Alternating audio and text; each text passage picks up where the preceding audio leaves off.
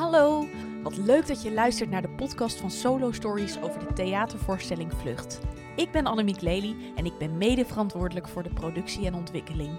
Dit betekent dat ik meedenk over toekomstige voorstellingen, inleidingen geef en er als tourmanager voor zorg dat alles achter de schermen zo goed mogelijk verloopt. De komende weken neem ik jou mee backstage. Ik praat met de makers, samenwerkingspartners en anderen die met de thematiek van vlucht te maken hebben. Veel luisterplezier! Voor het maken van een locatievoorstelling heb je partners nodig. Vandaag maak ik een rondje Amsterdam om de vertegenwoordigers van die bedrijven te spreken. Ze hebben gisteren de allereerste voorstelling van Vlucht gezien en ik ben benieuwd wat ze ervan vinden. Ook gaan we het hebben over placemaking. Wat dat is, daar kom je achter tijdens het luisteren van deze podcast. Eerst ga ik naar station Sloterdijk. Daar wacht Roel Kupers van de gemeente Amsterdam op me. Ik zit nu tegenover Roel Kupers. Fijn dat ik uh, je vandaag mag interviewen. Dank je, jij ook bedankt. Ik ben heel benieuwd wat je allemaal te vertellen hebt. Want de gemeente is natuurlijk betrokken bij uh, de voorstelling Vlucht in de tuin van Brett. En ik ben in eerste instantie heel benieuwd. Wie zit er tegenover mij? Ja, mijn naam is Roel Kupers. Um, ik ben de overal projectmanager zeg maar, van de gebiedsontwikkeling rondom het uh, station Sloterdijk. Het is de bedoeling dat hier uh, de komende 20 jaar uh, 7.500 woningen worden gebouwd. En ja, het, het, was oorspronkelijk vooral een kantorengebied. En we gaan het heel erg mengen. Als je aan Sloterdijk denkt, wat zie je dan voor je? Ja, ik, ik zie toch wel uh, in Sloterdijk een, uh, een heel erg modern uh, gebied vormen. Eigenlijk een beetje, en, en misschien dat sommige mensen nu meteen uitschakelen, maar het is eigenlijk een stukje Rotterdam in Amsterdam. En dat heeft echt, vind ik, een enorme schoonheid. Want wat heel bijzonder is aan dit gebied, is dat je. Um, heel veel infrastructuur hebt. Hè? Dus je hebt treinen, autowegen, bussen. En die treinen zitten voor een deel ook op hoge viaducten. Dus het heeft een heel buitenlands gevoel ook wel, uh, dit gebied. Dus, dus, dus het zal niet iedereen direct aantrekken, maar als je echt van uh, heel stedelijk wonen houdt, je zit eigenlijk heel dicht bij de stad. Uh, je kijkt uit over de haven en je hebt aan de andere kant zit je midden in een groen gebied. Dat is de Brettenzone. En wij zitten nu op het station in een kleine vergaderruimte. Wij kijken letterlijk uit op de poortjes. En ik denk ook dat die op de audio best wel te horen gaan zijn. Maar dat uh, schetst meteen ook een beetje een beeld. Dit is echt een plek van komen en gaan lange tijd geweest. Hè? Als ik jou zo hoor praten, dan heb ik het idee dat het ook meer een plek van blijven moet worden. Klopt dat? heb je de spijker op de kop geslagen. Dus het is, uh, dat is ook echt ons doel. We, we, willen hier echt een bestemming van maken. Uh, een plek waar je gewoon naar, naartoe gaat omdat je er woont of omdat je er werkt. Maar ook omdat er bijvoorbeeld hartstikke leuke broedplaatsen zijn. daar zetten we ook enorm op in, op kunstenaars. Leuke cafés, restaurants, die er nu ook al deel zijn hoor. Dus we gaan echt um, een, een, stuk stad wat eigenlijk voorheen toch een beetje als een soort ja, mono-wijk met kantoren, gaan we echt ontzettend mengen. Van een plek waar voornamelijk gewerkt werd, wordt er dus meer een plek om te gaan leven, om het zo maar te zeggen. Dus daar moeten heel veel veranderingen en aanpassingen komen. Hoe begin je nou met zoiets? Met gebiedsontwikkeling of placemaking?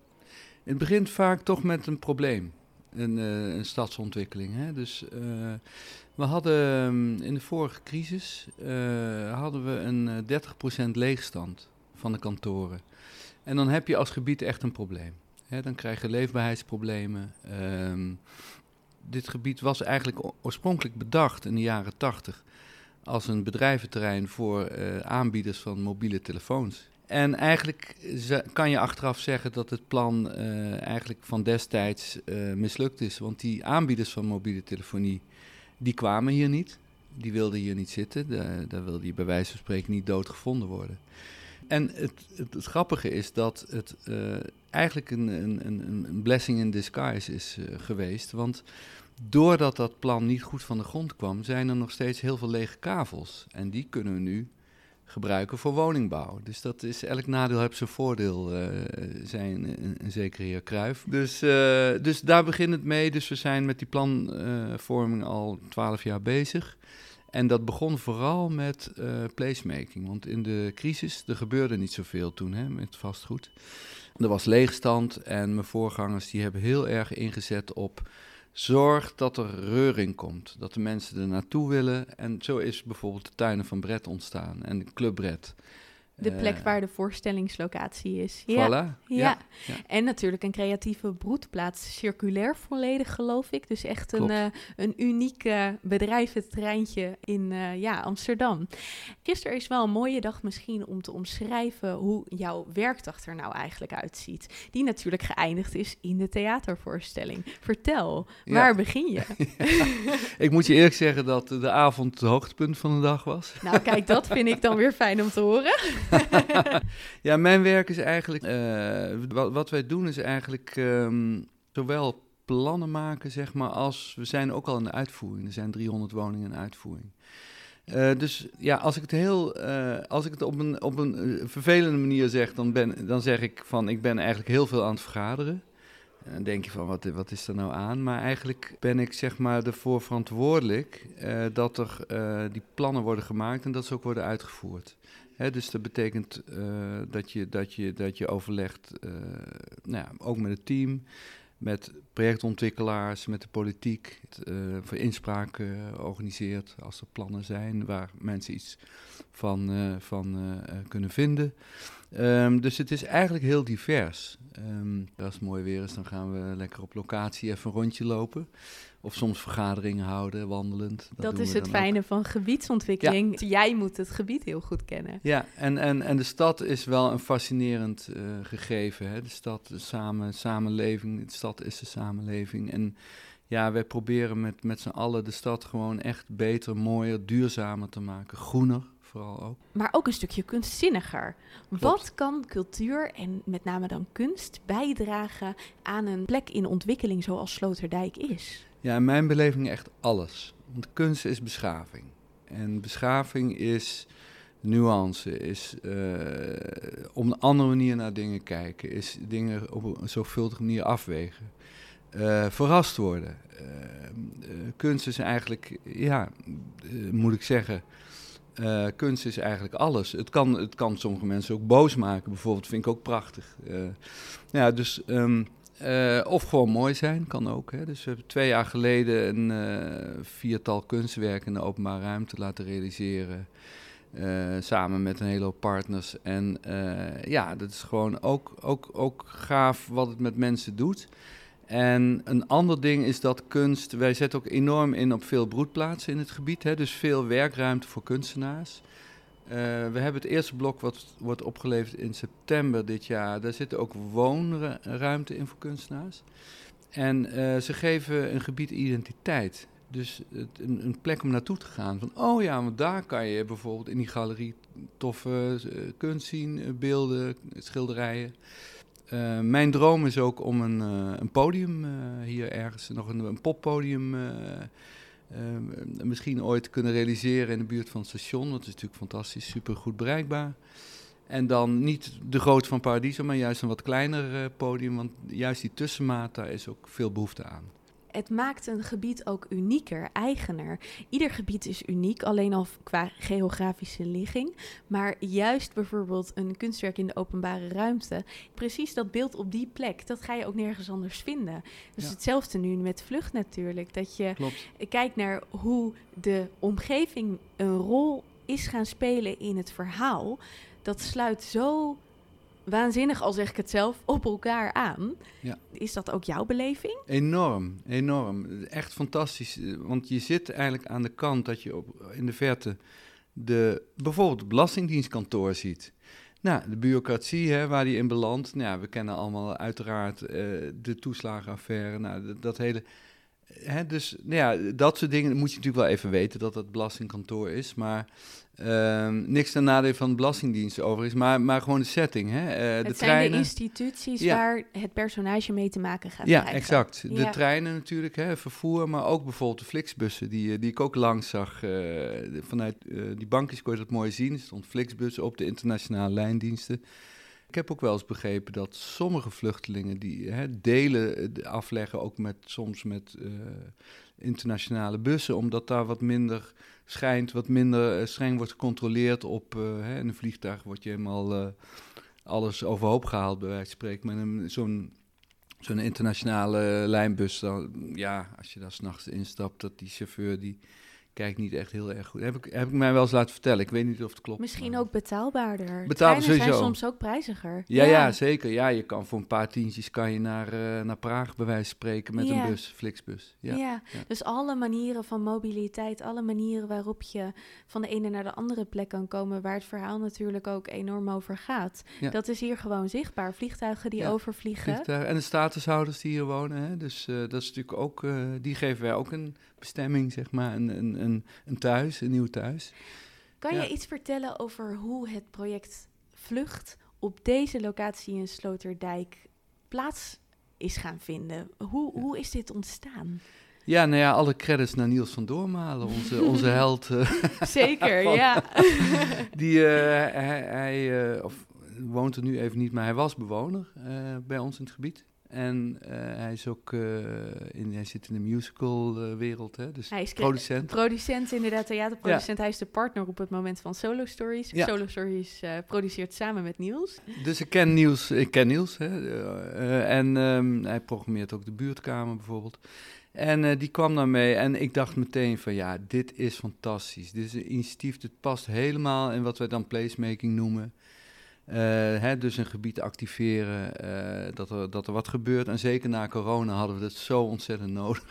Dit. Ja, iedereen heeft alleen maar thuis gezeten. Ja. En zorg maar weer dat er wat reuring is. Want dat, nou, je vertelde net dat dat natuurlijk is wat je wil hier. Ja. Ja. Ja, en eh, ook de, de, de uithoudingsvermogen van Niels om, ja, vergunning ingewikkeld. Natuurlijk, we zitten toch weer met oplopende coronacijfers. Dus spannend, spannend, maar het is allemaal gelukt. Want ik wist gewoon, het is zo netjes geregeld met die anderhalve meter. Dus het is allemaal zo keurig en zo goed. Dus no worries. Zou jij kunnen beschrijven hoe voor jou de ervaring geweest is? Ik kwam hier aan op Sloterdijk Ja. en toen? Ik, eh, ik kwam hier aan op Sloterdijk en ik had er al heel lang heel veel zin in. We waren met een paar collega's, dus we melden ons bij jou. en toen kregen we een, eh, een kaartje met een, eh, een cijfer. En we hadden vooraf al een mail gekregen inderdaad dat je een app moest downloaden. Nou, dat is allemaal gelukt, wonderwel. Lukt mij niet altijd, dat soort dingen. Maar eh, dus die code ingevoerd en dan heb je, moest de oordopjes meenemen. Dus dan nou, en dan en er staan ook, zeg maar, signing op de, op de vloer eh, geschilderd met eh, nou, die kant Het uit. logo. met Het logo van. Uptown en Vlucht, ja. Ja. Of Vlucht, van Vlucht inderdaad. En eh, dus dan, dan word je eigenlijk meegenomen met enerzijds wat soundscape-achtige en een stem. Hele prettige stem die, die je meeneemt van, eh, eh, nou wat vertelt ook. Eh, heel kort, je bent nu in Sloterdijk, geloof ik, zoiets. Ga je naar beneden en nou, daar stond Mohammed de muziek te maken. En toen liepen we door naar de tuin van Brett. En ehm, toen was het voorprogramma klaar. En toen kregen we een nieuw kaartje met een nieuw nummer. En eh, nou, konden we lekker even een drankje doen. En op een gegeven moment gingen we naar de, eh, zeg maar, de speelsite, zeg maar. En eh, op, eh, op bankjes, anderhalve meter eh, geregeld, met z'n tweeën op een bankje. En eh, je kreeg koptelefoon. En eh, van die hele blitse, eh, silent disco-achtige koptelefoon. En eh, nou ja, toen begon het eigenlijk. En eh, ja, die Erik Korton, die kennen we natuurlijk allemaal van de Lowlands eh, en zo. en van zijn tattoos. ja, daar kun je niet omheen. Daar kun je niet omheen, die sleeves. en eh, dus, nou ja, dan begint het, hè. Dan nou ja, gaat hij vertellen. En hij heeft een prachtige dictie, zeg maar, heel goed verstaanbaar. En ja, het werkt goed met die koptelefoons vanwege de, de achtergrondgeluiden en zo. Dus ja, gaaf. Wat fijn om te horen, wat leuk. En kan je je nou voorstellen dat dit ook op een andere locatie zou kunnen plaatsvinden? Zeker weten, ja. Dit is echt heel erg uh, leuk. En ik vind het ook wel echt uh, iets voor juist voor locatietheater, zeg maar. Buiten vind ik wel echt een. Zoiets in het theater is het. Kan ook, maar dat is anders. Dan moet je met, met beelden en zo erachter werken, misschien. Of kan ook. Uh, het, ja, buiten is gewoon fantastisch. En natuurlijk koptelefoons maakt het altijd minder kwetsbaar voor omgevingsgeluiden. Dus dat is allemaal prima. En uh, ja, dus dit, En ik vind ook het verhaal moet verteld worden. Het moet veel breder verteld worden. En ik vind eigenlijk ook dat dit soort verhalen, maar goed, dat is persoonlijk, vind ik dat die eigenlijk ook door um, vluchtelingen zelf eigenlijk verteld moeten worden, uiteindelijk. Maar het is mooi, is Erik Corton die draait het om, hè, van goh, je kan als Nederlander uiteindelijk ook in zo'n situatie terechtkomen. Ik noem maar iets. Je kan als klimaatvluchteling wellicht. Kijk, wij zijn een rijk land, hè, maar uh, je weet niet of die rijkdom altijd blijft. En misschien over 100 jaar, uh, wanneer de boel toch allemaal een beetje onderloopt hier in het Westen. En, en het is allemaal wat minder uh, florissant economisch in Nederland, zou kunnen. En dat je dan op een gegeven moment ook wordt gedwongen naar hoger gelegen gebieden. En nou, dat je inderdaad in Frankrijk moet aankloppen. en dat die Fransen misschien denken van, nou, daar heb ik geen zin in. Of of de Duitsers. Zo. Ja. weet, je, weet je wel, dat, dat, dat, weet je niet, wie er dan aan de macht is. En hoe, maar het, het is... En het gaat ook over de reis natuurlijk. Zo'n reis die je af moet leggen van de ene naar de andere plek. En ja. Daar kun je ook niks bij voorstellen. Nee. Je kunt dat niet van tevoren boeken. Het is niet nee. zo van ik boek nu dit vliegtuig en dan ben je van de ene nee. naar de andere plek. Het ja. gebeurt natuurlijk onder hele heftige omstandigheden. Ja, overgeleverd en... aan zware criminelen eigenlijk. Hè? En, en gewoon schoften. Die daar gewoon flink geld mee verdienen. En die feitelijk alles kunnen doen met je wat, wat, wat, wat je wilt. En je bent zo kwetsbaar. Gisteren zei iemand van vluchtelingenwerk van ja, dat dat ook wel de reden is dat vaak alleen eerst de oudste zoon gaat, bijvoorbeeld, in zijn eentje als een soort brug en dan later, of, hè, of de vader, later het gezin laten, omdat het toch te gevaarlijk is. Zeker met kinderen. Of, uh... Een soort van verkenner, dat is het eigenlijk wat je... Ja, ja, ja, ja. ja. ja dankjewel voor, voor alles wat je verteld hebt. Ja, bedankt. Nu ben ik onderweg naar het Surinameplein. Daar zit namelijk Mr. Lee Creative Agency gevestigd. Ik ga praten met Veronique. Lee. Ik zit tegenover uh, Veronique Misterly van Misterly Creative Agency. Dus uh, het kan niet anders dan dat jij de oprichter van het bedrijf bent. Tegenover wie zit ik? Vertel me eens wat meer. Um, nou ja, mijn rol binnen Misterly is uh, Creative Director. En dat is ook echt iets wat ik heel graag doe. Me bezighouden met uh, hele verschillende projecten. En um, ja, het project waar wij nu inderdaad met elkaar over zullen gaan praten is uh, Uptown Sloterdijk. Um, Uptown Sloterdijk is een coalitie van ontwikkelaars en bedrijven en de gemeente samen. En uh, wat zij beogen is um, ja, promotie te maken voor het gebied Sloterdijk. En wij zijn daar de gebiedsregisseur van, de marketing- en gebiedsregisseur. Waardoor we eigenlijk het hele jaar door bezig zijn met allerlei informatie te delen over wat er gebeurt. Maar we maken, zetten ook initiatieven in om te zorgen dat er um, activiteiten worden ontwikkeld. En dat heet dan eigenlijk in marketingtermen placemaking. Zeg ik het goed als placemaking dan zoiets is als we hebben een gebied en in dat gebied willen we zorgen dat het wat levendiger wordt, dat er evenementen plaatsvinden, maar ook natuurlijk dat het bekender wordt. Dus er zit een stukje marketing, een stukje PR zit daarachter. En dat dat alles samengevat is, dus zowel de programmering als de communicatie, dat dat de placemaking is? Ja, placemaking, ja, oh, dat is heel lastig. Er zijn heel veel definities over. Ik heb het heel vaak over gebiedspromotie omdat je dan ook um, uh, gaat het over uh, dat je bijvoorbeeld horeca die in dat gebied zit op de kaart zet. Hè, een van de producten die we hebben ontwikkeld is een, uh, een stadswandeling. Die hebben we samen opgezet met de stadswandeling 020. Want die hebben eigenlijk in de hele lockdown-periode stadswandelingen gemaakt over uh, de hele stad. En uh, toen hebben wij contact met hun gezocht en hebben we gezegd van joh, is het niet leuk om iets samen te doen om een stadswandeling over Sloterdijk te maken? Nou, een van de dingen die zij lastig vonden is dat zij Sloterdijk niet zo goed kenden. Dus toen zeiden van, nou, weet je wat, als wij nou, zeg maar, jullie al die informatie geven en het gaat via jullie kanaal naar buiten, want zij hebben een gigantische achterban, zou dat niet een leuke samenwerkingsvorm zijn? En zo is het ook gebeurd. En nu hebben we gewoon een hele leuke stadswandeling in Sloterdijk.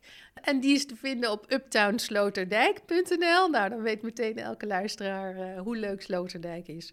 En uh, nou ja, dat is dus een wandeling die we helemaal langs um, horeca laten lopen, maar ook langs de nieuwe mogelijkheden om te gaan wonen binnen Sloterdijk.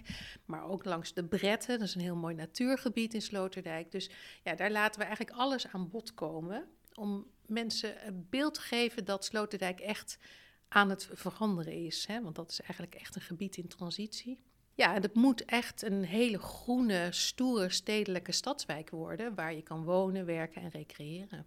Ja, en dat is ook echt wel iets wat je terugziet natuurlijk tijdens de voorstelling. Het eerste beeld wat je, wat je hebt als je op Sloterdijk aankomt, is inderdaad toch wel het, het industriële, het, de kantoorpanden, de vele hotels die er natuurlijk zijn voor nou, uh, mensen die aan het werk zijn in de omgeving en niet meer naar huis kunnen of het fijn vinden om daar te overnachten. Maar als jij het zo schetst, dan is er al zoveel meer wat op het directe oog, zeg maar, niet of de eerste blik die je werpt dan nog niet te zien is. Nee, dat klopt. Eh, dat is ook, dat is ook wel een beetje waar we natuurlijk, hè, de, de uitdaging waar we voor staan, is om mensen um, uh, er naartoe te brengen. En dat is natuurlijk een van de mooie dingen die we nu hebben kunnen realiseren met een theatervoorstelling.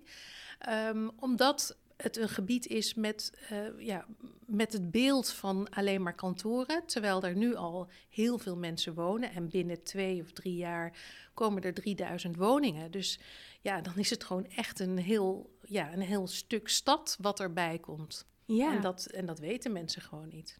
Daardoor wordt het voor mensen ook interessanter om er bijvoorbeeld te gaan wonen.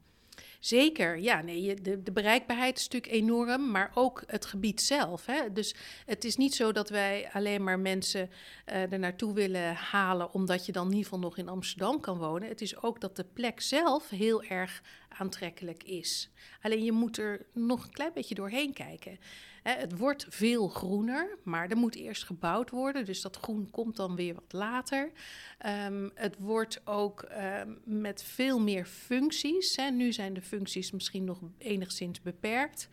Um, maar er komt een basisschool, er komt een, hè, komen supermarkten, er, hè, dat wordt allemaal nog ontwikkeld. Dus het is echt een gebied in transitie.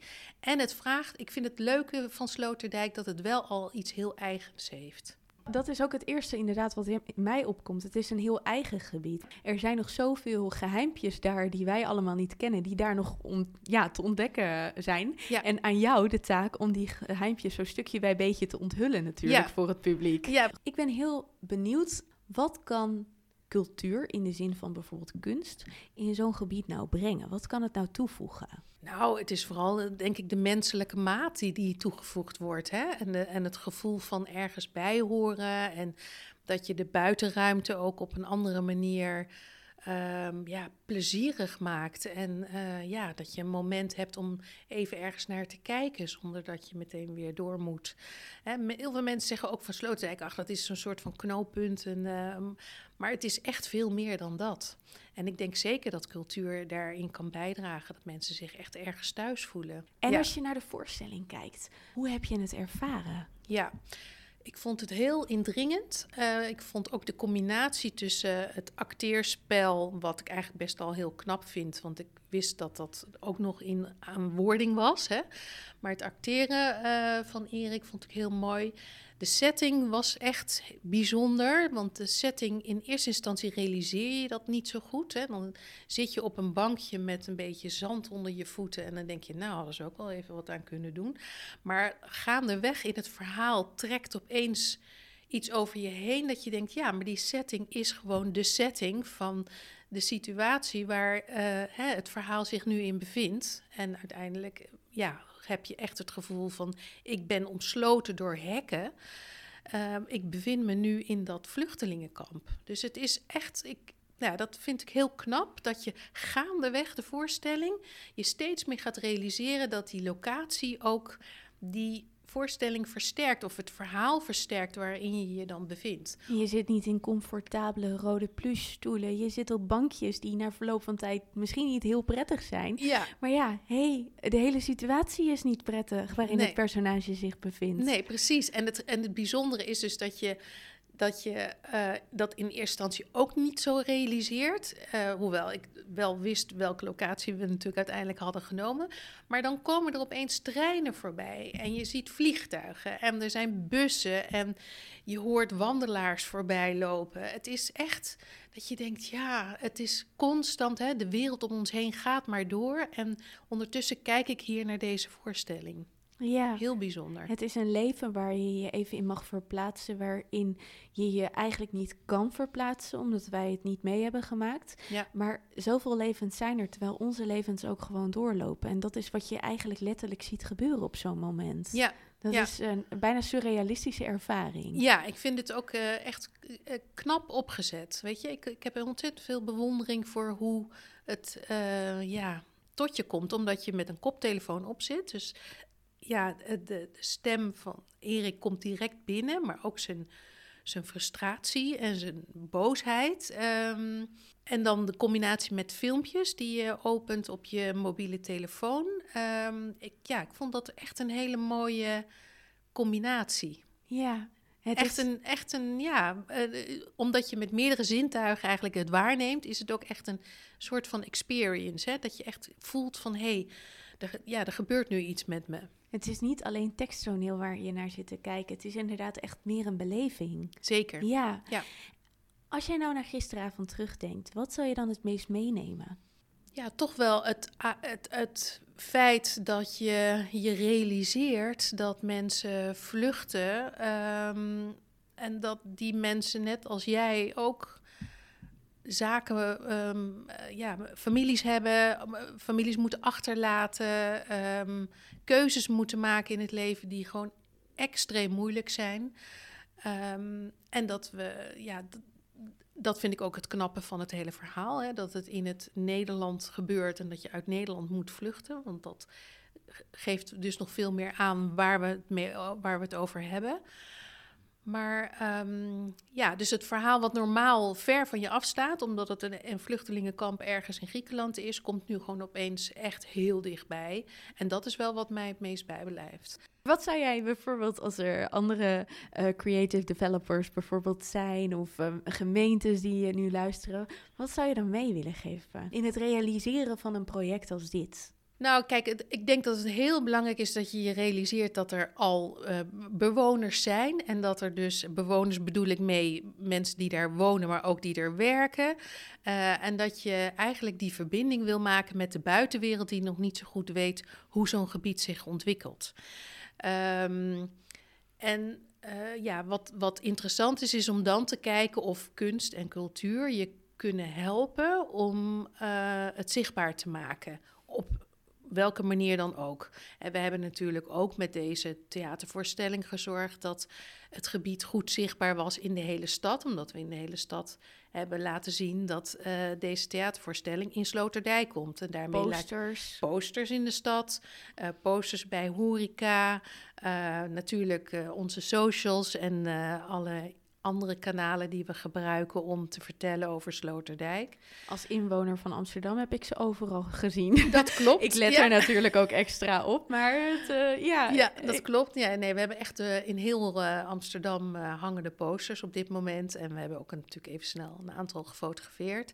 Ehm, maar ik denk dat, ehm, ja, dat dit op zich een hele mooie vorm is om kunst en cultuur ook in een gebied te trekken, waardoor je ja, verbinding eh, realiseert. Het is ook interessant voor de horeca dat er dan meer mensen ook in het gebied zijn. Want we hebben onze avond gisteravond ook heel leuk afgesloten bij eh, een bret, bij een van de leuke horecagelegenheden.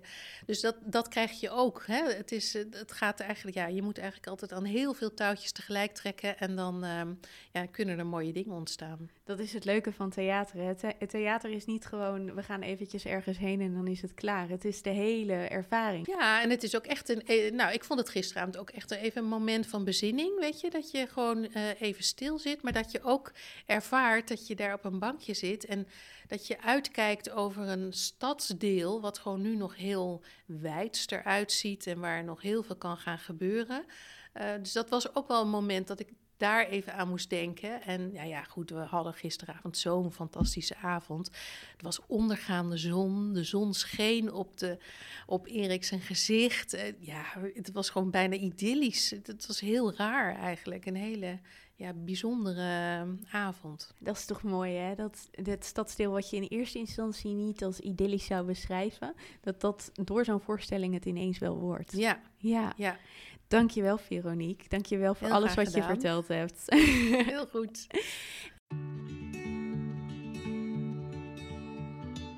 Ik ben onderweg naar de tramhalte om naar Amsterdam Centrum te gaan. Aan de Sarfati-kade zit APF International, een van de sponsoren van Vlucht. Ik ga praten met Matthijs Bakker. Matthijs, wat fijn dat ik je mag interviewen. Nou, wat leuk dat je hier bent. Vertel eens, wat doet APF International precies? Um, kort gezegd is APF International een onafhankelijke investment manager voor vastgoedinvesteringen. Uh, en wij hebben verschillende mandaten en opdrachtgevers. Wat moet ik me daarbij voorstellen? Ja, dan zou je mandaten en opdrachtgevers kan je eigenlijk uh, uh, onderscheiden in eigenlijk de type cliënten die we hebben. grofweg zou je dat kunnen opdelen in private mensen. Hè, dus mensen die hun pensioengeld of ander geld willen investeren in vastgoedinvesteringen. daar bouwen we cv's voor. Daarnaast doen we ook investment management. dat is dan eigenlijk, moet je dat meer zien als een soort fonds. Hè? Dus een van onze cliënten is een beursgenoteerde cliënt. die heeft een investeringsfonds en daar verzorgen wij dan eigenlijk het hele management, de aankopen en de verkopen van de vastgoedinvesteringen voor. Eh, en een eh, derde tak is eigenlijk eh, private equity, waar we veel dan mee samenwerken. Ehm, vaak is dat Amerikaans geld.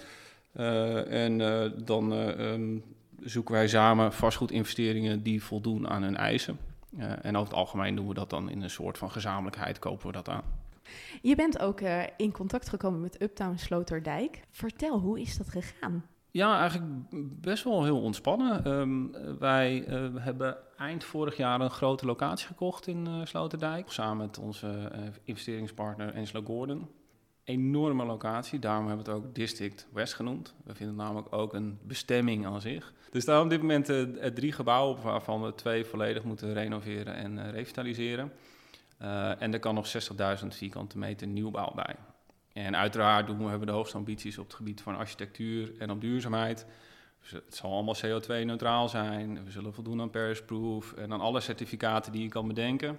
Maar ik denk belangrijker nog is dat we willen dat dit een plek wordt voor ondernemers die vooruit willen. Uh, die mee willen doen, die nadenken over uh, welzijn van de maatschappij, welzijn van hun eigen mensen en ook uh, well-doing. Dus we hebben gezegd, het moet well-being zijn, maar het is ook well-doing. En kan het dan van allerlei verschillende achtergronden zijn of richten jullie wel op een bepaalde doelgroep eigenlijk? Nee, dat kan van, want ik denk namelijk dat je binnen alle facetten dus op die manier kan ondernemen. Dat is eigenlijk net een beetje als met placemaking wat we doen. Weet je, we, komen bij elkaar, we zoeken mensen die, er ook, die ook iets willen voor deze plek. Uh, en uiteindelijk moeten we elkaar dat versterken. En ik doe nog iets unieks in District West en ik, ik vind dat wel ook wel echt superleuk. Uh, kijk, normaal gesproken als je een kantoor huurt, dan heb je services en faciliteiten. En uh, nou, als je dan nog ietsje verder bent, dan krijg je hospitality erbij, een soort van flex office. Allemaal hartstikke mooi. Maar wij hebben ook gekozen voor een, eigenlijk een derde pijler en dat is programmering. Uh, en dat kan alleen omdat we zo gigantisch groot zijn, want uiteindelijk kan er 110.000 vierkante meter op die plek, inclusief de bestaande gebouwen. En daardoor is voor ons de mogelijkheid ook ontstaan dat we de plek ook niet alleen nu programmeren in de placemaking, maar ook in de definitieve situatie. Dan in één keer ga je van een kantoorplek waar je werkt naar echt een plek waar je bezig bent met en werken en ontspannen. Ja, een plek waar je voor een deel ook kan leven. En dat maakt natuurlijk Sloterdijk ook leefbaarder. Juist, dat maakt ook Sloterdijk leefbaarder. Als, kijk, als het voor, uh, voor ons leeft, als wij er enthousiast van worden, dan geldt dat waarschijnlijk ook voor een gebruiker. Aanstekelijk. Uh, ja, het, het, moet aanstekelijk zijn. En, en uiteindelijk, als we aan onszelf vragen waar zou je willen zitten, dan wil je ook op een plek zitten met energie. Je wil op een plek zitten dat, dat er iets gebeurt. Dus als wij het ook hebben over intern over rendement, moet het niet alleen economisch rendement zijn, maar moet het ook nog iets bijdragen voor de maatschappij. Uh, en daarmee werden we eigenlijk gelijk een belangrijke speler binnen Sloterdijk. Uh, en Uptown Sloterdijk is eigenlijk een, uh, ja, ik zie het eigenlijk maar een, een, een belangengroep om ervoor te zorgen dat de potentie van Sloterdijk niet alleen door de mensen ontdekt en gewaardeerd wordt die er nu zitten, maar ook eigenlijk door de rest van Amsterdam, Nederland en de wereld. Um, en op het moment dat wij dat kochten, hebben zij contact met ons gezocht. En dan was eigenlijk wel gelijk een soort van klik. En hebben wij ons aangesloten bij uh, die belangengroep. Ik kan me voorstellen dat er mensen uh, luisteren die geen idee hebben hoe Sloterdijk eruit ziet. Zou je die plek willen omschrijven voor mij? En je gaat er al een beetje bij lachen. Nou, ik, ik moet lachen omdat. Um, um, hoe zeg ik dit het best? Wat ik vaker terughoor als ik aan andere mensen vraag hoe zij naar Sloterdijk kijken, is dat ze zeggen het is een sleeping giant. Uh, en wat ze daar eigenlijk mee bedoelen, is dat het een zeer op dit moment, um, ik denk dat dat wel echt heel hard aan het veranderen is, maar dat op dit moment een zeer ondergewaardeerde locatie is, die een hele hoge intrinsieke waarde heeft. En met dat referentiekader moet je denk ik ook even mijn antwoord bezien. Als je nu op Sloten als je tien jaar geleden op Sloterdijk kwam, want dat is denk ik beter. Want tien jaar geleden werkte ik zelf op Sloterdijk. Uh, dus uh, ik ken. Je bent goed bekend ik, met ik, het ben, gebied. Ik ben goed bekend met het gebied en ik ging daar uh, op een gegeven moment weg. En toen dacht ik, hier kom ik niet meer terug. nou, dat had ik wel even verkeerd ingeschat. Maar dat gebeurt soms in het leven, dat je verkeerde dingen, dingen anders inschat dan dat ze in de werkelijkheid gaan zijn. En waarom? Waarom kwam je niet meer terug? Nou, uh, wat je eigenlijk zag, ik denk dat de eerste bebouwing in Sloterdijk is uh, geweest in uh, rond 1970. en die bebouwing was eigenlijk meer gericht op de haven dan op station. gaandeweg zijn er incidenteel partijen geland en ontstond er een gebied die door die partijen ook toen al gewaardeerd werd. Super dichtbij Amsterdam Centraal. Gewoon met de fiets te doen. Direct aan de ring. Intercity station. Op drie minuutjes ben je met de trein op CS. Uh, direct aan de ring richting Schiphol. Directe verbinding met Schiphol. En ook nog in het groen. Uh, alleen het waren elke keer incidentele beslissingen. Uh, wat je nu in de afgelopen tien jaar hebt gezien is dat er steeds meer cohesie ontstaat. wat je heel duidelijk heb gezien, is dat we alleen van werken ook naar een woonfunctie gaan. Uh, op dit moment zijn er vier grote woonontwikkelingen gaande en is de eerste al bijna klaar. Uh, en daarmee zie je een ontzettende snelle transitie in het hele gebied, omdat in één keer duidelijk wordt voor heel veel mensen: oh wacht, deze plek heeft zoveel intrinsieke waarde, hier moet ik heen. En je ziet dat de stad zo hard die kant op loopt, uh, behalve dan de ontwikkelingen daar, zit je natuurlijk ook nog met Havenstad wat er tegenaan ligt. Uh, en waarvan ik tien jaar geleden dacht, hier kom ik niet meer terug. Waarvan ik nu denk, wat een ontzettende potentie. Ik denk dat ik over tien jaar tegen mezelf zeg, jeetje Mina, wat een onderdeel van de stad. Je bent gisteren naar de voorstelling geweest en je vertelde me dat je daar zat en dacht, goh, dit is toch eigenlijk best wel een hele mooie plek. Nou, wat, wat, ik, wat ik super leuk vond aan die voorstelling, het, het werd op een plek gegeven uh, waarin je zicht had op Sloterdijk uit een hoek waar je eigenlijk nooit komt. Uh, en ik zat daar samen met, uh, met mijn collega Edo en uh, we zaten op een bankje te kijken en die zon die ging langzaam onder en, en we, we, keken naar het station, we zagen een trein voorbij komen, wat je net ook zei, je ziet dan een vliegtuig overvliegen, je ziet een aantal mooie gebouwen en een aantal gebouwen van je ziet dat ze getransformeerd worden of opnieuw opgetrokken worden. Ja, we keken elkaar aan en zeiden, jeetje, dit is echt wel gaaf. Je gaat de plek echt met andere ogen bezien op deze manier. Absoluut. Ja. Absoluut je bent natuurlijk een van de sponsoren van de voorstelling. In eerste instantie ben ik wel benieuwd, wat heeft jou daartoe gedreven? Ik denk de belangrijkste factor is uiteindelijk uh, het verhaal geweest. Kijk, al, helemaal nu we het gisteren gehoord hebben, dan het zet je echt tot nadenken. Uiteraard hadden we natuurlijk een briefing vooraf gehad. Hè. Het gaat ongeveer hierover, doe je mee? En denk, nou, dat is interessant, dat gaan we doen. Uh, maar het besef als je dit gehoord hebt, dat wat, daar, wat er kan gebeuren in ook bijvoorbeeld in Nederland en wat er gebeurt in landen niet eens heel ver hier vandaan en wat voor impact dat heeft op mensen, uh, dat is best wel, uh, best wel heftig. En kijk, waar wij altijd als we uh, bezig zijn met een ontwikkeling op zoek gaan naar een, het maken van een plek, zorgen voor eigen, voor veiligheid, voor een goed gevoel, eigenlijk voor een thuis, is voor die mensen natuurlijk een veel groter probleem überhaupt een thuis hebben van een thuis aan zich. En zodoende uh, ja, hebben we daar met veel interesse uh, naar geluisterd en vond het heel leuk om mee te doen. Je hebt er geen spijt van, 100% zo te horen. Nee, Nee, echt niet. Wat kan een voorstelling als dit, of cultuur in het algemeen, bijdragen aan gebiedsontwikkeling? Of een, misschien wel, wat jij zegt, een nieuwe kijk op een bepaald gebied? Nou, ik denk wat, wat interessant is van cultuur is dat het brengt mensen bij elkaar en het verbindt mensen. En je gaat dan naar zo'n plek toe. eh, en, weet je wat we vaak zeggen in gebiedsontwikkelingen? We willen het een ziel geven. Ehm, en dat, dat ziel geven, dat gebeurt door activiteiten, dat gebeurt, gebeurt door cultuur, dat gebeurt ook door daar zijn. Maar ik ben er ook heel erg van overtuigd dat het niet alleen is dat wij die plek een ziel geven, maar dat die plek ook een stukje teruggeeft aan ons. En, en, en wat, hoe je dat dan omschrijft en hoe je dat noemt, dat weet ik niet. Alleen het is wel dat stukje van die plek, dat daar zijn, dat blijft bij je. Zeg maar, de Engels it, it grows on you. Eh, en ik denk dat dat ontzettend belangrijk is in hele placemaking verhaal en ook in gebiedsontwikkeling. En dat is zeker met een theatervoorstelling. Want nou ja, we komen natuurlijk uit een tijd, en dat hebben we nog steeds wel, dat je heel veel digitaal eh, aanwezig ergens bent. En nu heb je weer de mogelijkheid om echt eventjes ergens te zijn. En nou ja, wat je zegt, dat is het er zijn, is als het over placemaking gaat, misschien wel het allerbelangrijkste. Absoluut, dat denk ik ook. En dat is inherent aan theater natuurlijk. Eh, absoluut, ja. Ja. als jij nou naar de avond van gisteren kijkt, ehm, wat blijft jou nou bij? Of wat is nou hetgeen waarvan jij zegt van nou, ah, dit, het is zo belangrijk om of dit verhaal te vertellen, maar ook vooral om het op een plek als in Sloterdijk of wellicht ergens anders in Nederland te spelen? Ik denk dat ehm, het canvas van Sloterdijk, dat rauwe, het verhaal nog meer eh, gevoel meegaf. Het is toch wel een verhaal waarin je... Er zijn wel momenten dat je even stil bent. En dat je, dat je ook gaat nadenken over oh ja, dat, hoe erg het kan zijn. En, en het, de hele setting, ja, het, het versterkte elkaar. Dus het- het- ik kan, voor andere locaties kan ik dat niet eh, eh, inschatten. Maar ik vond dit verhaal op deze plek, op Sloterdijk... Ja, dat was voor mij een hele mooie match. Kan je je voorstellen dat het ook op andere locaties zou kunnen plaatsvinden? Zeker, ja, dat, eh, dat absoluut. Wat neem je mee van gisteravond? Buiten je herontdekte liefde voor Sloterdijk.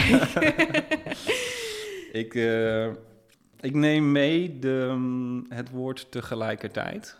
Maar ik ga daar niets over zeggen, want ik vind dat mensen zelf naar de voorstelling moeten komen om te snappen wat ik daarmee bedoel.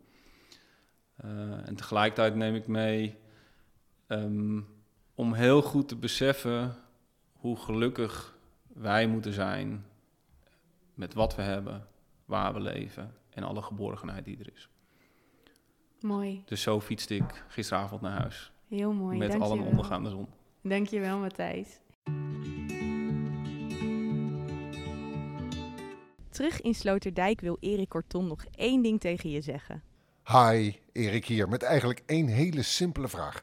Ben jij, ken jij of heb jij een gemeente met een prachtige plek, een bijzondere plek en het liefst een hele rauwe plek? Een plek waar werelden bij elkaar komen, werelden die nog in ontwikkeling zijn. Bij het spoor, een oud industrieterrein, een, verlaten fabriekshal, dergelijke plekken. Rauwe, rauwe plekken, laat het ons weten, want wij willen daar heel graag onze voorstelling Vlucht komen spelen. Ik wil heel graag daar mijn voorstelling Vlucht komen spelen. Dus heb jij, ben jij of ken je zo'n gemeente? Neem contact met ons op. Zien we elkaar volgend jaar. Kijk, dat is duidelijk, Erik. Herken je je in deze oproep? Stuur dan een mail naar merel.solostories.nl Vlucht in Amsterdam Sloterdijk wordt geproduceerd door Solo Stories in samenwerking met Niels van Doormalen en wordt mede mogelijk gemaakt door Uptown Sloterdijk, Urban Resort, Gemeente Amsterdam, APF International BV, District West, Lirafonds, BNG Cultuurfonds, V-Fonds, Gravin van Bieland Stichting, Stichting Vluchteling, Mooie Koffie en het Amsterdams Fonds voor de Kunst.